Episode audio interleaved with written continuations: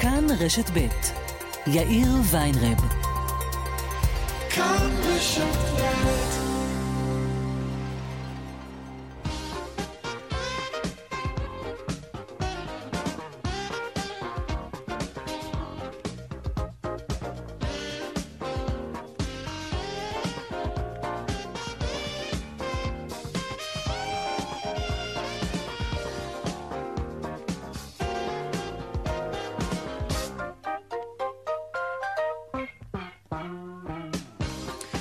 קצת אחרי ארבע ועוד חמש דקות כאן צבע הכסף ברשת ב', יום שלישי, שלום רב לכם, העורך רונן פולק, בהפקה הילה פניני, טכנאי השידור שלנו היום הוא אריאל מור.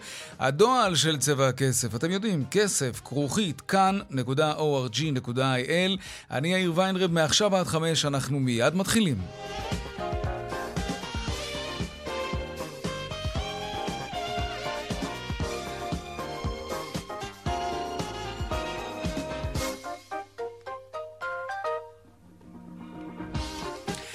פותחים בחותרות צבע הכסף ליום שלישי, נתב"ג מתרחב, טרמינל 3 יורחב, והדבר הזה, ככה מקווים, יוביל גם להפחתת העומסים, אבל רק בשנה הבאה. כן, רק אז. לעומסים הצפויים בחגים, זה כבר כנראה לא יעזור. שלום, שרון עידן, כתבנו. כן, שלום מאיר. כנראה באמת גם על רקע התורים והעומסים והמזוודות, מה שראינו בחודשים האחרונים שקורה בנתב"ג, אה, מודיעים היום ברשות שדות התעופה על בעצם פתיחה של טרמינל נוסף, או המשך לטרמינל הקיים, שיקרא טרמינל 3A. Mm-hmm. אה, בחלקו המערבי של הטרמינל אה, הקיים, בעצם ייבנה מבנה של כ-300 מטרים, יהיו לנו שם קצת יותר מ-20 אה, עמדות של בידוק, כן, דלפקים, והדבר הזה, כלומר העבודות האלה אמורות להתחיל כבר אחרי החגים, סוף אוקטובר, תחילת נובמבר. ההערכות הן שאנחנו באמת, אה, אולי כתוצאה גם מההוספה, מהתוספת הזאת, נוכל לראות באמת תורים שהולכים ויורדים. ברשות שדות התעופה גם מדגישים שב-2024 נתב"ג אמור להיכנס שוב לרשימה אה, של אה, נמלי התעופה העמוסים ביותר בעולם, mm. נתון די מדהים, שאגב, נתב"ג אמור היה להיכנס אליו ערב הקורונה. ולכן חלק מההיערכות, כן. אה, גם עוד זרוע, אה, שתקרא זרוע A, כן, לחניית מטוסים אמורה אה, להיפתח בעתיד הנראה לעין, גם שם יתחילו עבודות על העניין הזה בחודשים הקרובים, אבל כן, טרמינל 3A, הטרמינל צפוי להתרחב, ואנחנו מקווים כמובן שאולי כבר באזור mm-hmm. האביב והקיץ של השנה הבאה, הדבר הזה בהחלט יפחית יאיר מהעומסים. שנרוויח מזה משהו. שרון עידן, תודה רבה. העניין הבא שלנו, האם האספרסו שלנו עומד להתייקר? בשנה האחרונה נרשם זינוק של 25% במחירי פולי הקפה, מתוכם כ-12% רק בחודש האחרון. עוד מעט נדבר על זה בהמשך, יכול מאוד להיות שגם על זה אנחנו נשלם בקרוב יותר. ועוד בהמשך האינפלציה אומנם דוהרת, אבל החופשה שלנו, על החופשה שלנו, אנחנו לא מוכנים לוותר. בחודשי הקיץ נרשמה עלייה של יותר מ-40% בהוצאות שלנו על בתי המלון. ההשוואה היא לעומת 2019, עוד לפני משבר קורונה, כי במהלך המשבר אין כל כך למה להשוות. באילת התפוסות בבתי המלון בקיץ האחרון שברו שיאים חדשים. נדבר על זה עוד מעט. ומהפכה בענף הרכב, לראשונה הדגם הנמכר ביותר בחודש אוגוסט הוא רכב חשמלי, הג'ילי הסינית. בינתיים מגמת הירידה במסירות של כלי הרכב החדשים בכלל, המגמה הזאת של הירידה נמשכת. הסיבה העיקרית, משבר האספקה וזמני ההמתנה הארוכים מאוד. נעסוק גם בזה. ועוד בהמשך, אחרי אה, חופשת הקיץ, הפקקים חזרו. נדבר כאן על הטכנולוגיות החכמות שיכולות לשפר את תנועת המכוניות בכבישים. כן, האם בינה מלאכותית יכולה להיות הפתרון לעמידה הזאת, שעות בכבישים, בבוקר ואחר הצהריים. וגם נדבר שוב על השי לחג. נשלים את השיחה שלנו עם מנכ"ל חברת ועדים על המתנות שאנחנו מקבלים מהמעסיקים לכבוד החג. ומדוע למען השם רבע מכם לא מממשים את המתנה הזאת? מה קרה? זה גדל על העצים. והדיווח משוקי הכספים כרגיל לקראת סוף השעה. אלה הכותרות, כאן צבע הכסף. אנחנו מיד ממשיכים.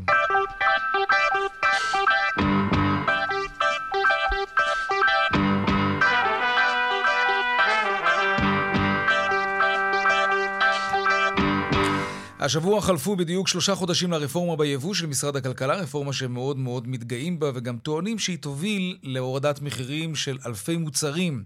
אה, הם אומרים, זה ייקח זמן, אה, זה לא צפוי לקרות מהר, אבל זה יקרה באיזושהי נקודת זמן. למה?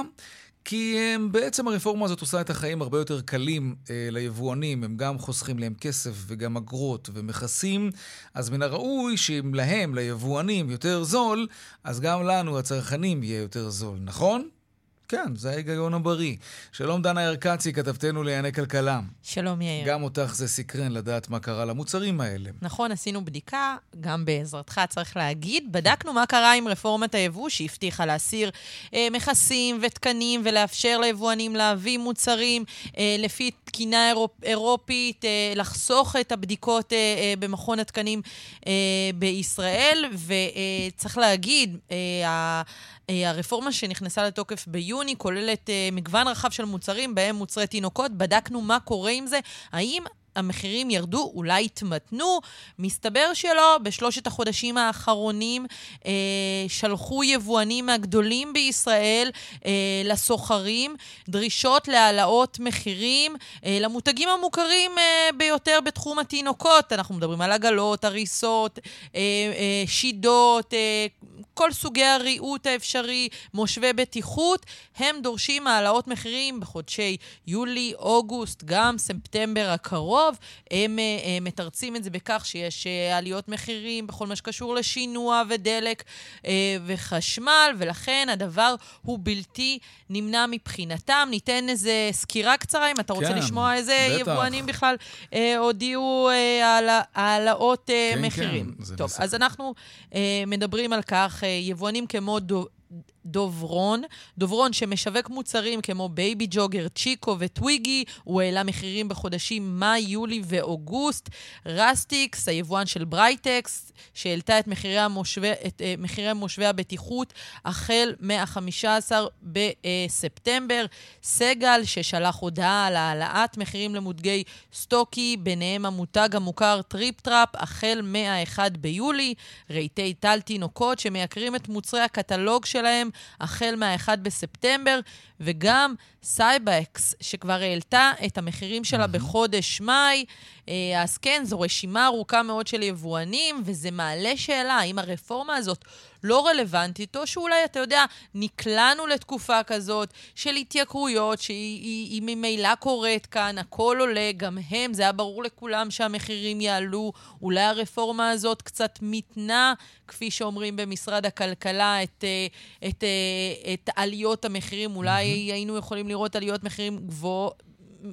הרבה יותר, זינוק הרבה כן. יותר גבוה ממה שאנחנו רואים. יכול להיות. כעת. יש הרבה הסברים שאפשר כמובן להשתמש בהם. נכון. אבל בשורה התחתונה חלף רבעון, ואנחנו רואים שם חלק מהמוצרים, לפחות אלו שבדקנו, אנחנו רואים שהם לא מוזלים, אלא להפך, מתייקרים. אז בוא, בוא נשמע את אבי שפיר, שהוא מומחה ויועץ כן. בטיחות אה, אה, לחברת, אה, לרשת בייביסטאר.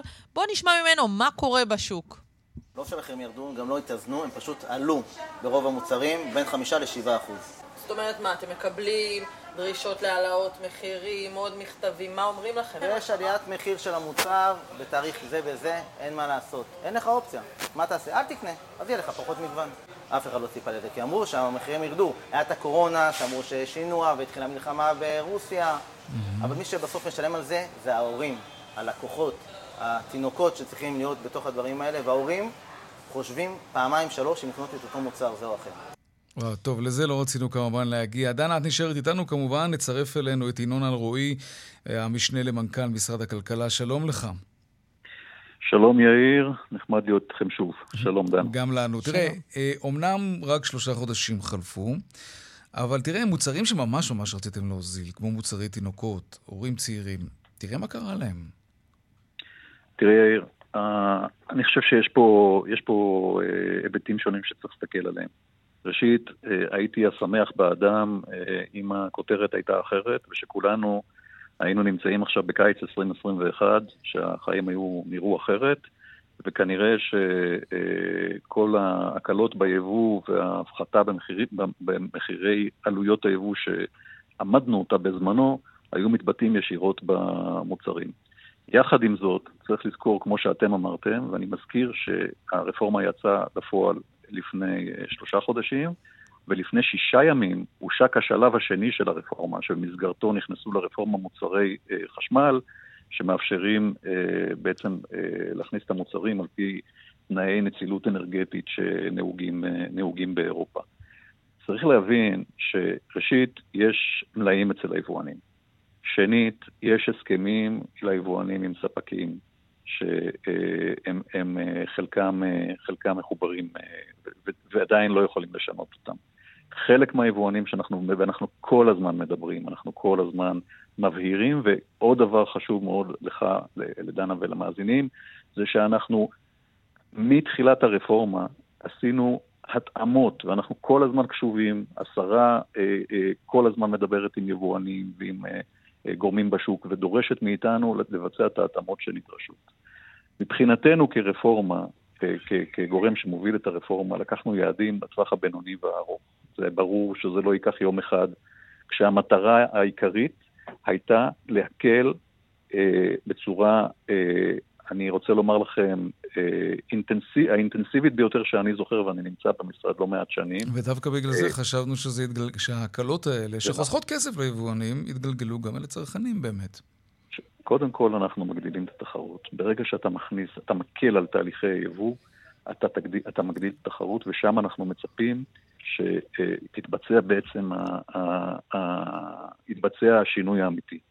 שם, ברגע שתהיה תחרות גדולה יותר, אנחנו נראה שהיבואנים יצטרכו להתאמץ יותר בנושא של המחירים, וגם לצרכנים יהיה אה, אה, את הבחירה ואת התפקיד היותר אה, כן. משמעותי לשחק. אוקיי. לצערנו, המציאות הגלובלית מייצרת אתגרים תפעוליים ועליות מחירים. שווקי המקור ליבוא שלנו, ובמיוחד אירופה, מתאפיינים בעליות מחירים גבוהות ובאינפלציה גבוהה. ואיך אמרה דנה, אולי בעצם נקלענו לתקופה שכזו. ואני יכול לבוא ולומר לך שדיברנו לכם, שדיברנו עם יותר מיבואן אה, אחד, שבאו ואמרו בדיוק את מה שדנה אמרה, שבסופו של דבר, שהמדיניות הממשלתית, שחלקה היא הרפורמה, שאני חוזר שוב ואומר לכם מעדות עדות, אה, אה, כן, ישירה כן. שלי, לא ראיתי מהלך כזה קרוב ל-20 שנה שאני מתעסק בעולם התוכן הזה מצד הממשלה. ובגלל זה זה מאכזב שבעתיים, גם אנחנו חשבנו שזה יעשה אבל, משהו. אבל יאיר, אתה, יאיר. אתה באמת חושב שזה מה שבלם? רק, רק, כן. רק תן לי להשלים את, את המשפט הבא. אנחנו, אה, אה, זה גם מופיע בעיתונות השבוע, לפחות על ידי אה, שחקן גדול מאוד במשק, שבא ואמר, לולא הרפורמה הזו, העליות היו גבוהות יותר. דנה. אנחנו לא, אנחנו לא בניסוי מעבדה. ישראל היא okay. אה, אוקיי. מדינה אתה... משמעותית, אבל היא לא אה, קובעת את הטרנדים הגלובליים, mm. ואם כל השווקים עולים, אז אנחנו לא יכולים להיות יותר זולים מאיפה שאנחנו okay. אוקיי. קונים את, ה, את המוצר. כן, אבל אתה אנחנו... אומר, אנחנו פותחים לתחרות, אבל בסופו של יום, כשכל היבואנים תלויים במשווק בלעדי כזה או אחר, ולא טיפלתם עדיין בסוגיית אה, היבוא המקביל, אז מה, איזה מין תחרות זאת, אם כולם תלויים במשווק אחד, או, או מתמודדים עם איומים לא לקנות מיבוא מקביל, או יש מוצרים שכן אפשר אה, לקנות ויש מוצרים שאי אפשר. אז יש פה מעין מש, משהו שמרגיש כמו חצי עבודה, ולא רפורמה מלאה שבאמת יבואן יכול להתמודד, כי זה באמת התלונות שאנחנו שומעים מרוב היבואנים שאנחנו מדברים איתם. אז אני מודה לך על הנקודות, הנקודות המשמעותיות האלה, ואני רוצה לדבר רגע על יבוא מקביל. ביבוא מקביל, לצערנו, גם את זה אנחנו לא שלטנו בזה, לצערנו אנחנו נמצאים בתקופת בחירות. השרה, אה, שרת הכלכלה והתעשייה, אה, אורנה ברביבה, הגישה לכנסת אה, הצעת חוק בנושא יבוא מקביל, אני מניח שאת מכירה אותה, היא נמצאת אחרי קריאה ראשונה. ואני הראשון שאשמח, לא הראשון, אבל אה, בין, בין הראשונים שישמחו שזה יעבור. בנושא של יבוא מקביל, חשוב מאוד גם להבין, ברגע שהכנסנו אה, את מסלול הקסיס, את המסלול שמאפשר להביא לפי תקן בינלאומי, הקלנו בעצם, הרי כל הזמן הטענות היו, יש לכם תקנים מקוריים, יש, יש תקנים ישראלים, כן. למה אתם לא מאפשרים להביא כמו בעולם? הרי יאיר, דיברנו על זה לא פעם אחת. אז יצרנו אה, מסלול שנקרא מסלול קסיס, מסלול של התקן הבינלאומי, שלפיו בעצם אם המוצר נכנס לאירופה או למקום אחר לפי התקן הזה, אפשר להביא אותו מחר. Mm-hmm. זה אמור להקל גם על יבואנים רגילים וגם על יבואנים מקבילים. כולם יבואנים רגילים, אבל אני מדבר על, על יבואנים מקבילים.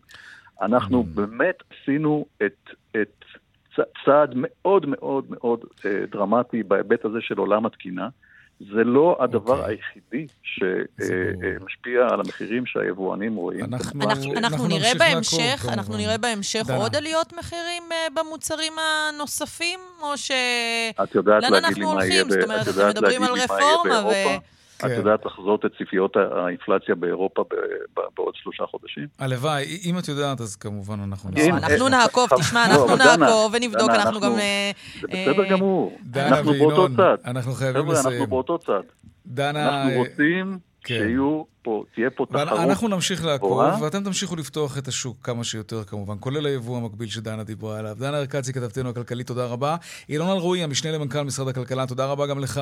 תודה רבה לכם. להתראות. טוב, אמ, עכשיו נדבר על שוק הרכב. אה, היה משהו מוזר בדוח המכירות, דוח המסירות של המכוניות בחודש אוגוסט. אה, בפעם הראשונה מכונית חשמלית לגמרי, הג'ילי הסינית, דורגה במקום הראשון במספר המסירות בחודש שעבר. שלום יואל פלרמן, עורך מגזין אוטו, מה נשמע? יואל? לא. אוקיי, עוד מעט אנחנו... עכשיו, יואל פלרמן, עורך מגזין אוטו, אתה איתנו? אני בהחלט איתכם, כן. טוב, אז דיברנו על כך, שלא יודע אם היית בהאזנה, שיש, קרה משהו מוזר בחודש אה, אוגוסט. בראש טבלת המכירות, המסירות, מכונית חשמלית, נדמה לי לראשונה, קורה דבר כן. כזה. אבל האמת שאני מתלבט אם להתחיל איתך עם הג'ילי, או בתמונת המצב הכללית של שוק הרכב, שהיא לא משהו בכלל, 15% ירידה במסירות מתחילת השנה. בוא נתחיל עם כן. התמונה הכללית. אז בואו נתחיל עם התמונה הכללית. כן. התמונה הכללית היא שבשנת 21, הייתה שנת שיא במכירת אה, מכוניות בישראל, כן. ולענייננו, הדבר החשוב ביותר שיש לציין, כ-12 אחוזים היו של אה, מכוניות חשמליות. Mm. סליחה, סליחה, סליחה, שישה אחוז היו מכוניות חשמליות, והדיבור היה על אה, עשרה אחוזים, עשרה אחוזים השנה. רגע, קצת התבלבלתי. הצפי היה ליותר מכוניות חשמליות או לפחות מכוניות חשמליות? יואל? כן. הלו? טוב, כן, יואל, אתה איתנו? אני איתכם כל הזמן. כן, כן, אוקיי, לרגע נעלמת. היה צפי ליותר מכוניות חשמליות כן, או כן, לפחות? כן, היה צפי, היה צפי שאחוז אה, המכוניות החשמליות בשוק יעלה לעשרה אחוז. וכרגע הוא מסתכם רק בשישה אחוז. וכרגע, לא, ולא, לא. לא, לא. הוא כרגע, כרגע השנה הוא ירד, הוא 4% בלבד. 4%. שחקן מאוד רציני שהוביל את השוק ושינה אותו למעשה, או אה, טסלה אה, אינו במה, אה, באותה רמת פעילות השנה, ומי שכן זה ג'ילי, שהיום הוא במקום הראשון, ומה שאתה התחלת איתו הוא עניין סמלי, זו גם הדגם הנמכר ביותר בכלל בחודש אוגוסט. והוא גם במקרה הזה חצה בחודש אחד את רק ארבע ספרות, קצת, אלף, אלף ושתיים, אבל הוא חצה, זאת אומרת יש לזה משמעות סמלית. כרגע... רק סמלית? כלומר, זה לא איזושהי... אה, שוב, אז, רגע. כרגע אנחנו מדברים על uh, ירידה בסך המכוניות החשמליות ב, בהקשר היחסי. הסיבה לכך היא מאותה סיבה ש... ששוק הרכב הישראלי אה, אה, קטן, וזה בעיות גלובליות שמבוססות על, על עניינים של אה, גלי עדף של הקורונה, משבר שבבים, בעיות של חלקים בגלל המלחמה באוקראינה, mm-hmm. ולרכב המחושמל והחשמלי יש בעיות נוספות. אחד מהם זה צריכה גוברת, בייחוד באירופה, לכלי רכב כאלה. יש לה צרכנים שם אינסנטיב לרכוש את המכוניות האלה, והיצרנים מתמסרים להם והם פועלים בהתאם. ודבר שני, זה בעיות שיש בחומרי גלם שהם הכרח לסוללות של אה, אותם כלי רכב כן, חשמליים. כן, ויש גם את משבר השבבים כמובן. תגיד, כן, העובדה כן. שיש האטה במכירות ובמסירות, זה משהו שמשפיע כן. גם על המחירים? אה, בלי קשר, עם קשר, כן. בוודאי, המחירים עלו. בלי קשר לשער המטבע. זה בדיוק הפוך ממה שהיה אמור לקרות בדרך כלל על פי חוקי הכלכלה. כלומר, אם הציבור פחות מתעניין והביקוש יורד, אז היצרנים אמורים לבוא ולנסות לפרט אותו. לא, לא, הביקוש רב מאוד. אז היכולת לספק. ההיצע נמוך. אוקיי. ההיצע נמוך. מה שנקרא, איך, אומר, איך אמר לי, איך אומרים מיבואנים, אין לי גלגל אחד על, ה, על המגרש, ואנשים מוכנים לקנות אוטו בצבע סגול עם נקודות ירוקות. כן, טוב, זה גם מה שעשה רנסאנס לשוק היד שנייה, כמובן. נכון, כן. נכון מאוד.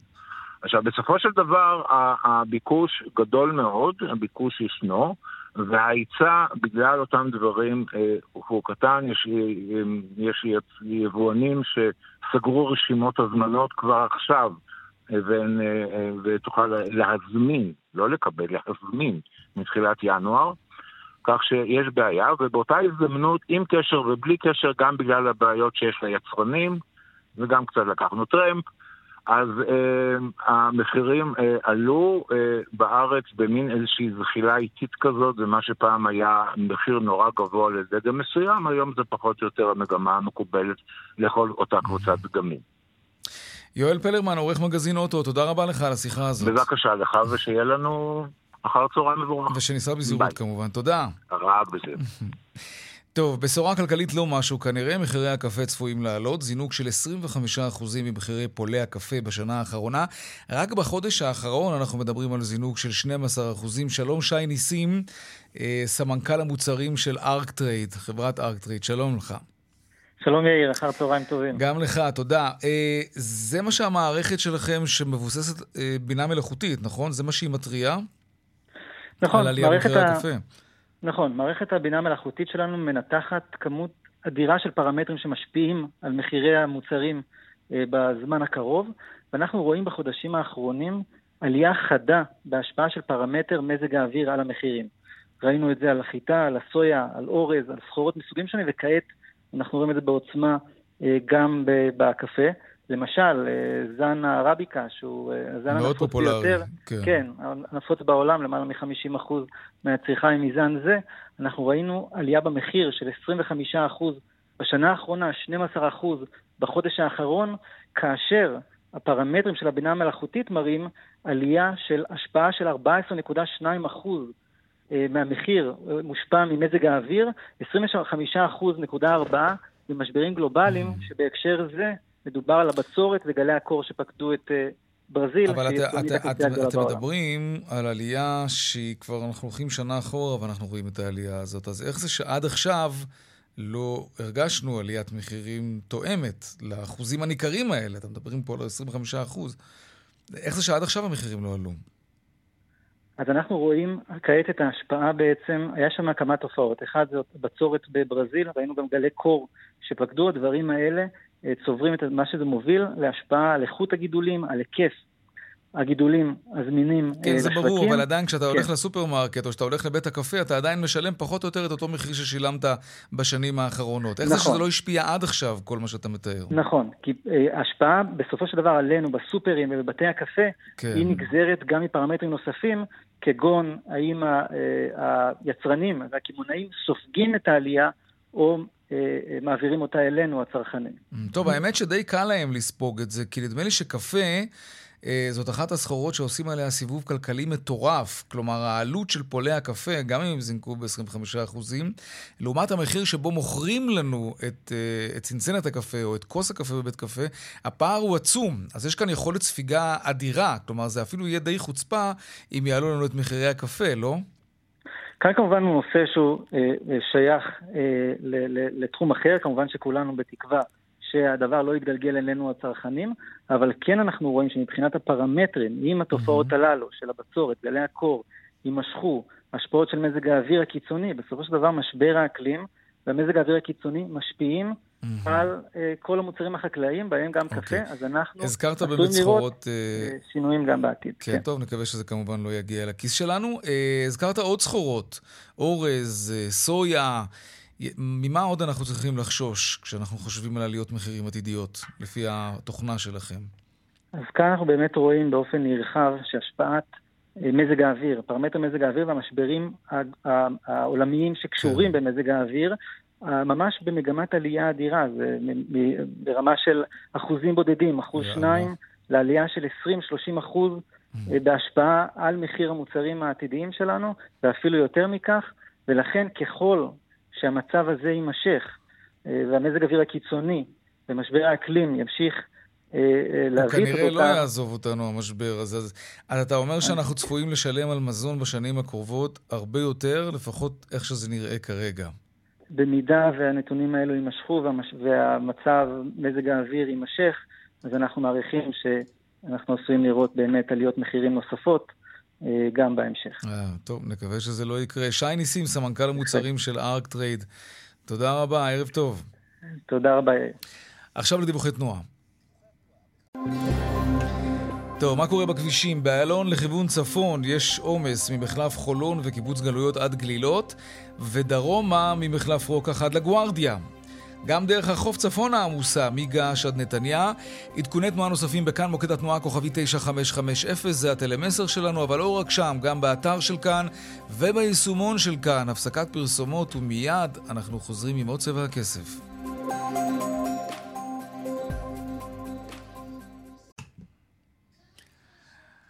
וכאן גם צבע הכסף, 4 ועוד 34 דקות. האינפלציה אומנם דוהרת, אבל על החופשה שלנו אנחנו לא מוותרים. בחודשי הקיץ נרשמה עלייה של יותר מ-40% בהוצאות שלנו על בתי המלון. ההשוואה היא לעומת 2019, שזה לפני הקורונה. באילת התפוסות בבתי המלון בקיץ האחרון שברו שיאים חדשים. שלום איתמר אליצור, מנכ"ל התאחדות בתי המלון באילת. שלום, שלום. איזה מזל יש לכם שהישראלים לא רואים בעיניים. רוצים חופשה, ישלמו כל מחיר. לא, לא משנה נכון. מה קורה. לא נכון. לא? הישראלי הוא צרכן נבון, הישראלי עושה את הסקר שוק שלו, הוא בוחר מה שטוב לו. הוא לא צרכן שהולך uh, סתם.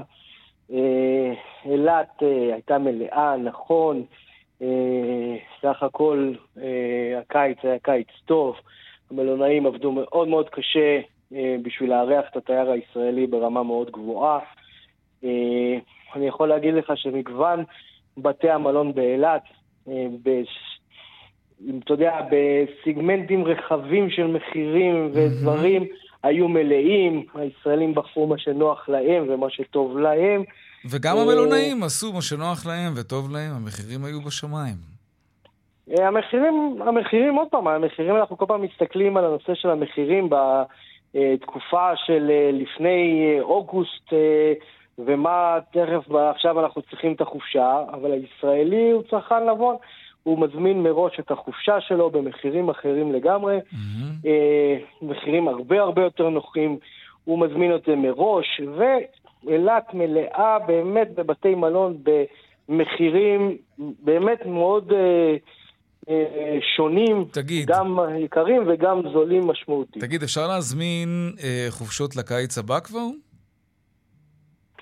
האמת, לא בדקתי, אבל תן לי לחזור עליך עם הנושא הזה. רגע, לא, תבדוק אחר כך, אל תרד לי מהקו. אה, חודשים, קדימה, חודשים קדימה אפשר להזמין, okay. אוקיי. חודשים קדימה אפשר להזמין, אין בעיה של להזמין.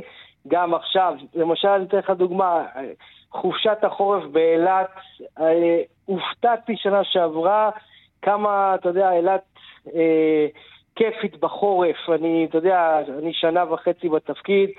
אה, אתה יודע, בתוך הדבר הזה אתה פתאום רואה את אילת, יש הרבה מה לעשות בעיר בתקופת החורף, המלונות, אטרקציות, נפתחים דברים חדשים עכשיו באילת, עובדים פס, על פסטיבלים, על אירועים, מלא דברים שיש מה לעשות, ואני אפתיע אותך, הישראלים טסים למינוס 20 מעלות ב... באירופה, כן. וכנראה השנה לא יהיה חימום שם ברוב המקומות. באילת מזג האוויר הוא 20 מעלות, זאת אומרת שהוא כיף ונעים, וזה חופשת uh, חורף תגיד, מצוינת אז, שיכולה להיות. תגיד, אז בהקשר הזה אני רוצה לשאול אותך, עד כמה קשה לכם באמת להתחרות ביעדים אחרים? ומאוד אטרקטיביים.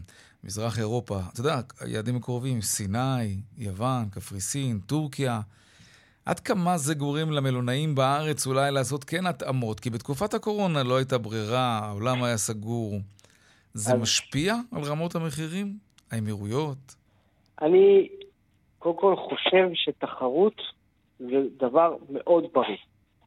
זה בריא, זה טוב, זה גורם למלונאים אה, ל- לראות איך הם משפרים את המוצר שלהם, איך הם אה, נותנים יותר אה, אה, value for money למוצר שהם נותנים. אה, כמובן שהתחרות קיימת, יש עכשיו את, גם uh, בכל מיני מקומות, גם את שרם, גם את אה, אבו דאבי וכל הדברים נכון. האלה. ואני אומר עוד פעם, בסוף התייר הישראלי מצביע ברגליים. אוקיי, אז רגע, אז בואו בוא ננסה רגע להבין. נגיד, לעומת 2019, לפני הקורונה, אה, איך היו המחירים השנה? כי, כי לפי הדו, הדוחות של חברת שווה, ההוצאות על, אה, על מלונות הן גבוהות יותר. והשאלה היא, האם זה בגלל שאנחנו הישראלים התפרענו, ולמרות יוקר המחיה וכולי, אמרנו על החופשה אנחנו לא מוותרים, או שזה בגלל שלא הייתה לנו ברירה, כי אתם העליתם מחירים, ולנו לא הייתה ברירה, ושילמנו יותר. לא, אבל אני עוד פעם, אתה, עוד פעם אה, מקסים כאילו את הצרכן הישראלי לצערי. הצרכן הישראלי יכל לצאת השנה לכל מקום שהוא רצה, אה, ב, אה, גם בחו"ל, בסדר? וגם יצאו, ועדיין בחרו לא מעט ישראלים לעשות את החופשה שלהם בארץ. אה, ובאילת אני יכול להגיד לך שהתפוסות היו יפות מאוד, ולא, סך הכל, למרות כל התחרות וכל הדברים, אנחנו, אה, התפוסות היו מכובדות ויפות ולא ירדנו אה, כמעט ולא ירדנו משנים קודמות. אוקיי. אה, כן, היה פחות משנים קודמות? משנה שעברה היה קצת ירידה, ואנחנו מבינים את זה, אבל ירידה מינורית. כמה מינורית? ביולי היה ירידה שלדעתי, אם אני זוכר נכון, אחוז וחצי, שני אחוז, אבל זה מיולי שעם פתיחת השמיים וכל הדברים האלה. אבל בסופו של דבר אנחנו בתפוסות של 80 ומשהו אחוז. בחודש יולי. איך החגים נראים אגב, כשמסתכלים עכשיו על החודש הנוכחי? החגים כבר עכשיו, אני יכול להגיד לך שאני, היה לי שיחה דווקא לפני, ב, באמצע הקיץ לשאול, וכבר אה, דיברו איתי על אחוזים יפים מאוד של ישראלים שהזמינו כבר לחגים חופשות, ומתחיל להתמלות החופ... אה, כל החגים. וזה בדיוק אה, מראה לך את הצרכן הישראלי שמזמין מראש ובזול. כן. וככל שאנחנו נתקרב לתוך החג, אז המחירים יעלו, okay. אה, אוקיי. ולאנשים שזה, אבל יש עדיין מקומות לחג, זה לא שאין, אבל אתה יודע, אנחנו רואים עלייה מאוד מאוד יפה בביקושים, וכבר mm. היום אנחנו ב... okay. אוקיי. עומדים בביקושים, פחות או יותר על אותם ביקושים שהיו לפני שנים קודמות. איתמר אליצור, מנכ"ל התאחדות בתי המלון באילת, תודה רבה. תודה לך. להתראות. הנושא הבא שלנו, כולנו מכירים את זה, כן? הגענו לצומת ויש רמזור אדום, אבל הצומת בכלל ריק לגמרי. סתם עומדים, מחכים שהרמזור יתחלף.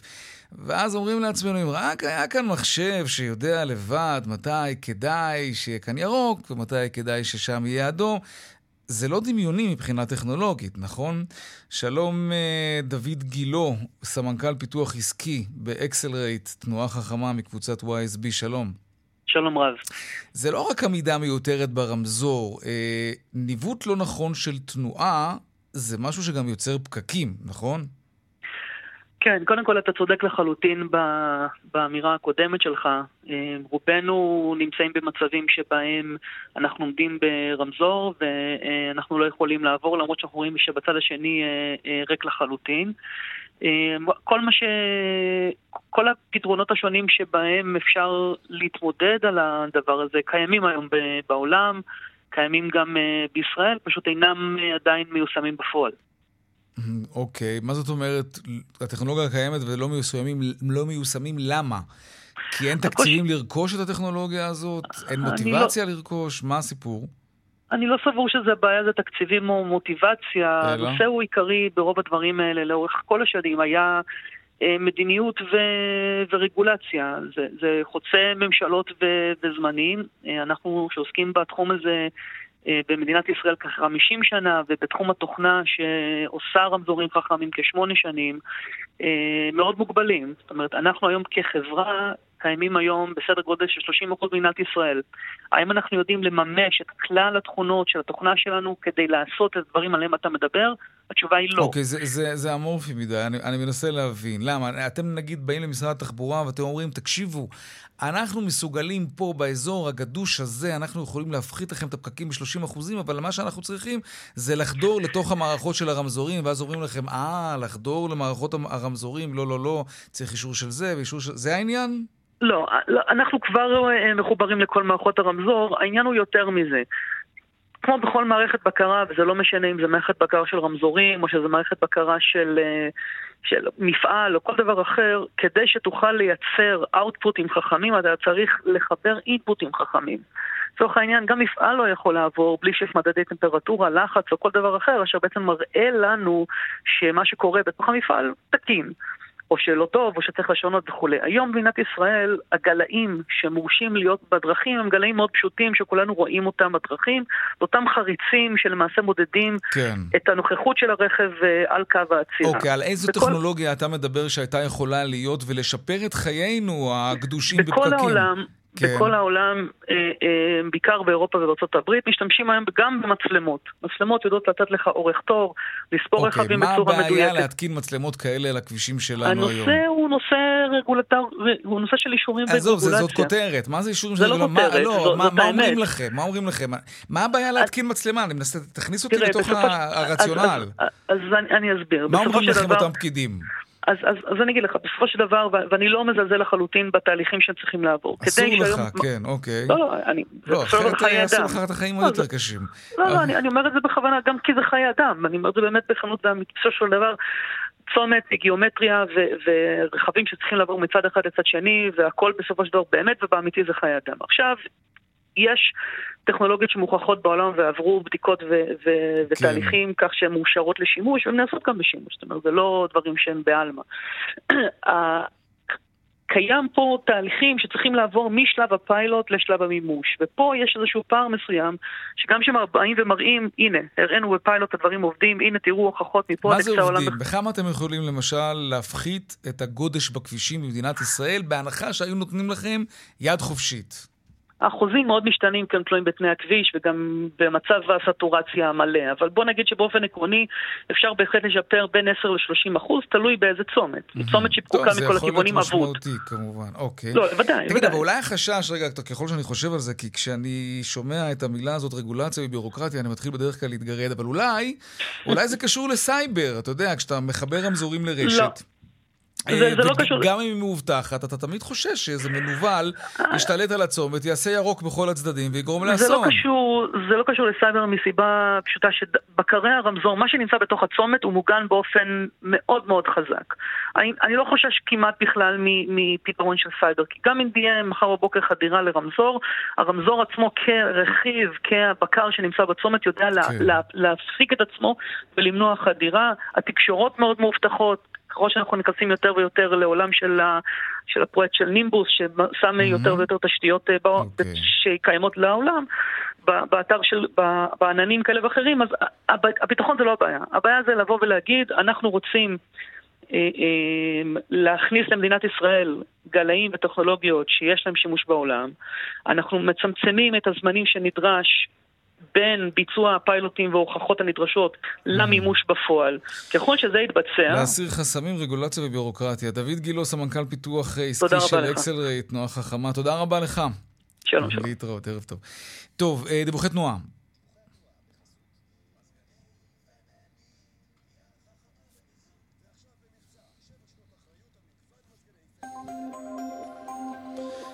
דיווח אחד קטן ולא חמוד בדרך אשדוד-אשקלון, עמוס ממחלף אשדוד עד צומת גן יבנה. עדכוני תנועה נוספים בכאן מוקד התנועה, כוכבי 9550 זה הטלמסר שלנו, גם באתר כאן וביישומון של כאן.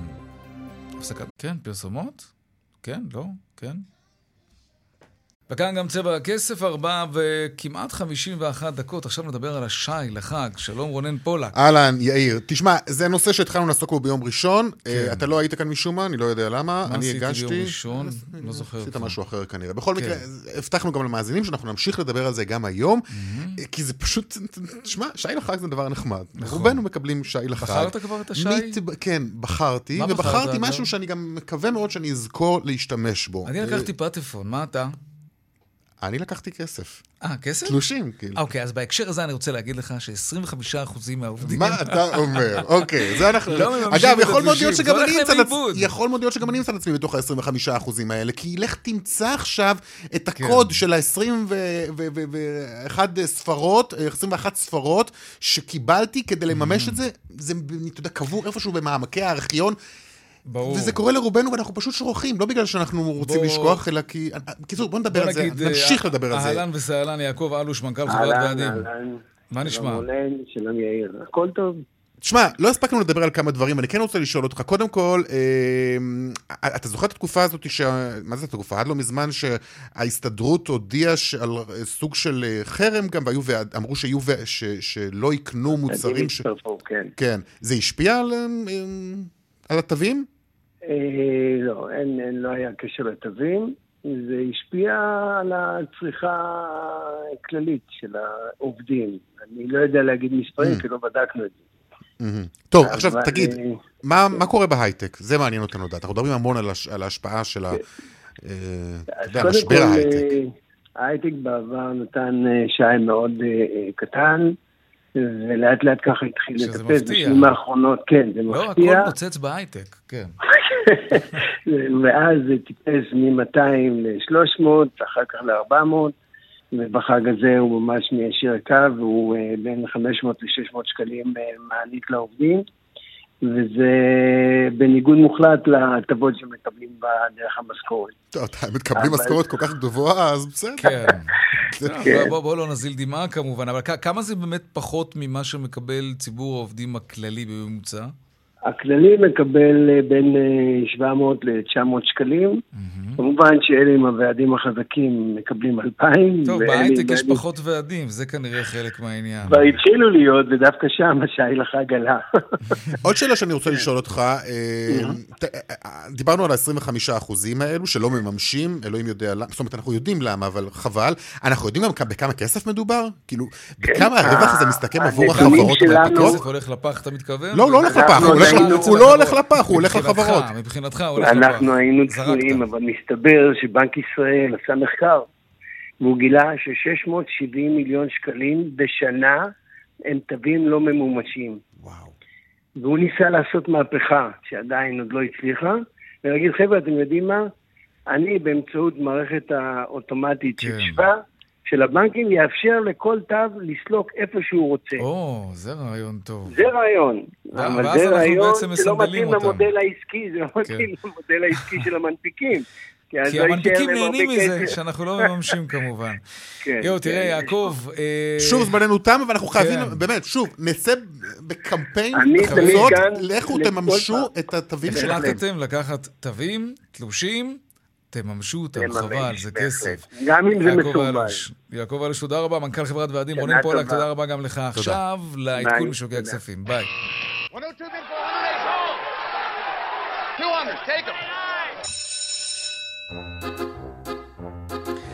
שלום יאיר ראובן, מנכ"ל טאור מבית מגדל שוקי הון. רציתי לשאול אותך אם לקחת תלושים במתנה, אבל אין לנו זמן, חייבים לרוץ על השווקים.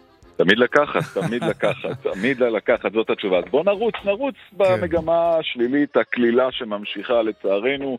כל העולם מצפה לאינדיקציה של האינפלציה הבאה בארצות הברית ולאן הריבית ממשיכה לעלות. אז אנחנו בתל אביב 35 ממשיכים לרדת היום בשליש האחוז, תל אביב 125 אה, גם כן בארבע עשיריות האחוז, הבנקים גם יורדים בארבע עשיריות האחוז.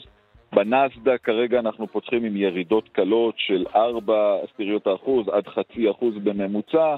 אירופה הייתה במהלך היום אפילו בסביבות האחוז עליות, כן. אבל אז באו החדשות לגבי האנרגיה mm-hmm. ולגבי המשקולת כן. של האנרגיה שתהיה על הכלכלה האירופאית במהלך היום. חייבים לרוץ על המטח. כן. המטח, לעומת זאת, זה בדיוק הראי, זה בדיוק תמונת המראה. אנחנו היום בזינוק של עוד חצי אחוז דולר מול כן. השקל. אנחנו כבר בשלושה שקלים, ארבעים ושלוש אגורות. אייל ראובן, מנכ"ל טאור מבית מגדל שוקי תודה רבה.